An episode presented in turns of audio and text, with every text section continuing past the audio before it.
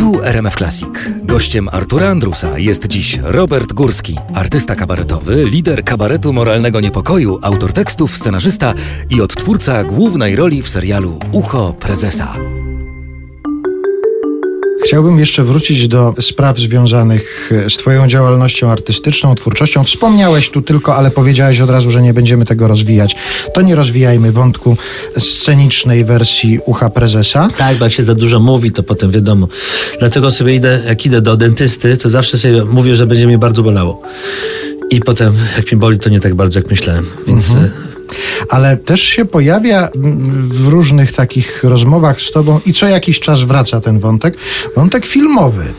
Ja pamiętam, że opowiadaliście o tym i ty, i Tomasz Konecki, z którym też parę razy ten wątek był poruszany, że wy od wielu, wielu lat dyskutujecie na temat filmu, że powstają jakieś wersje scenariusza nawet, potem to tak, sobie tak. odkładacie, odrzucacie. To na jakim to jest teraz jak ten, jak ten doktor z dżumy, który pisze książki i ciągle jest przy pierwszym zdaniu i ciągle jest z niego niezadowolony.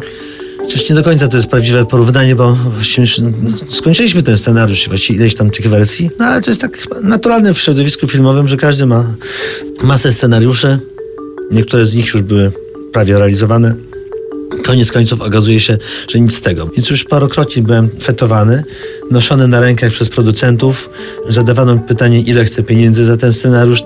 raz mi zapłacono za scenariusz, po to, żeby potem zapadła na przykład sześcioletnia cisza i spotykam tego człowieka po sześciu latach, który mi obiecywał właśnie Złote Góry i mówi, a, o Jezu, przepraszam cię, tam coś nie wypaliło. Tak jest, to jest skwitowane właśnie czymś takim. Więc pomyślałem sobie, z tym filmem to już chyba nic niech będzie, niech Pawlikowski robi filmy, skoro ma do tego smykałkę i znajduje na to pieniądze. To prawdopodobnie nie jest moje przeznaczenie. Więc y, łatwiej zrobić coś, y, myślę, w teatrze, łatwiej nad tym zapanować, bo i pieniądze mniejsze i mniej jakichś takich podgryzaczy ze wszystkich stron.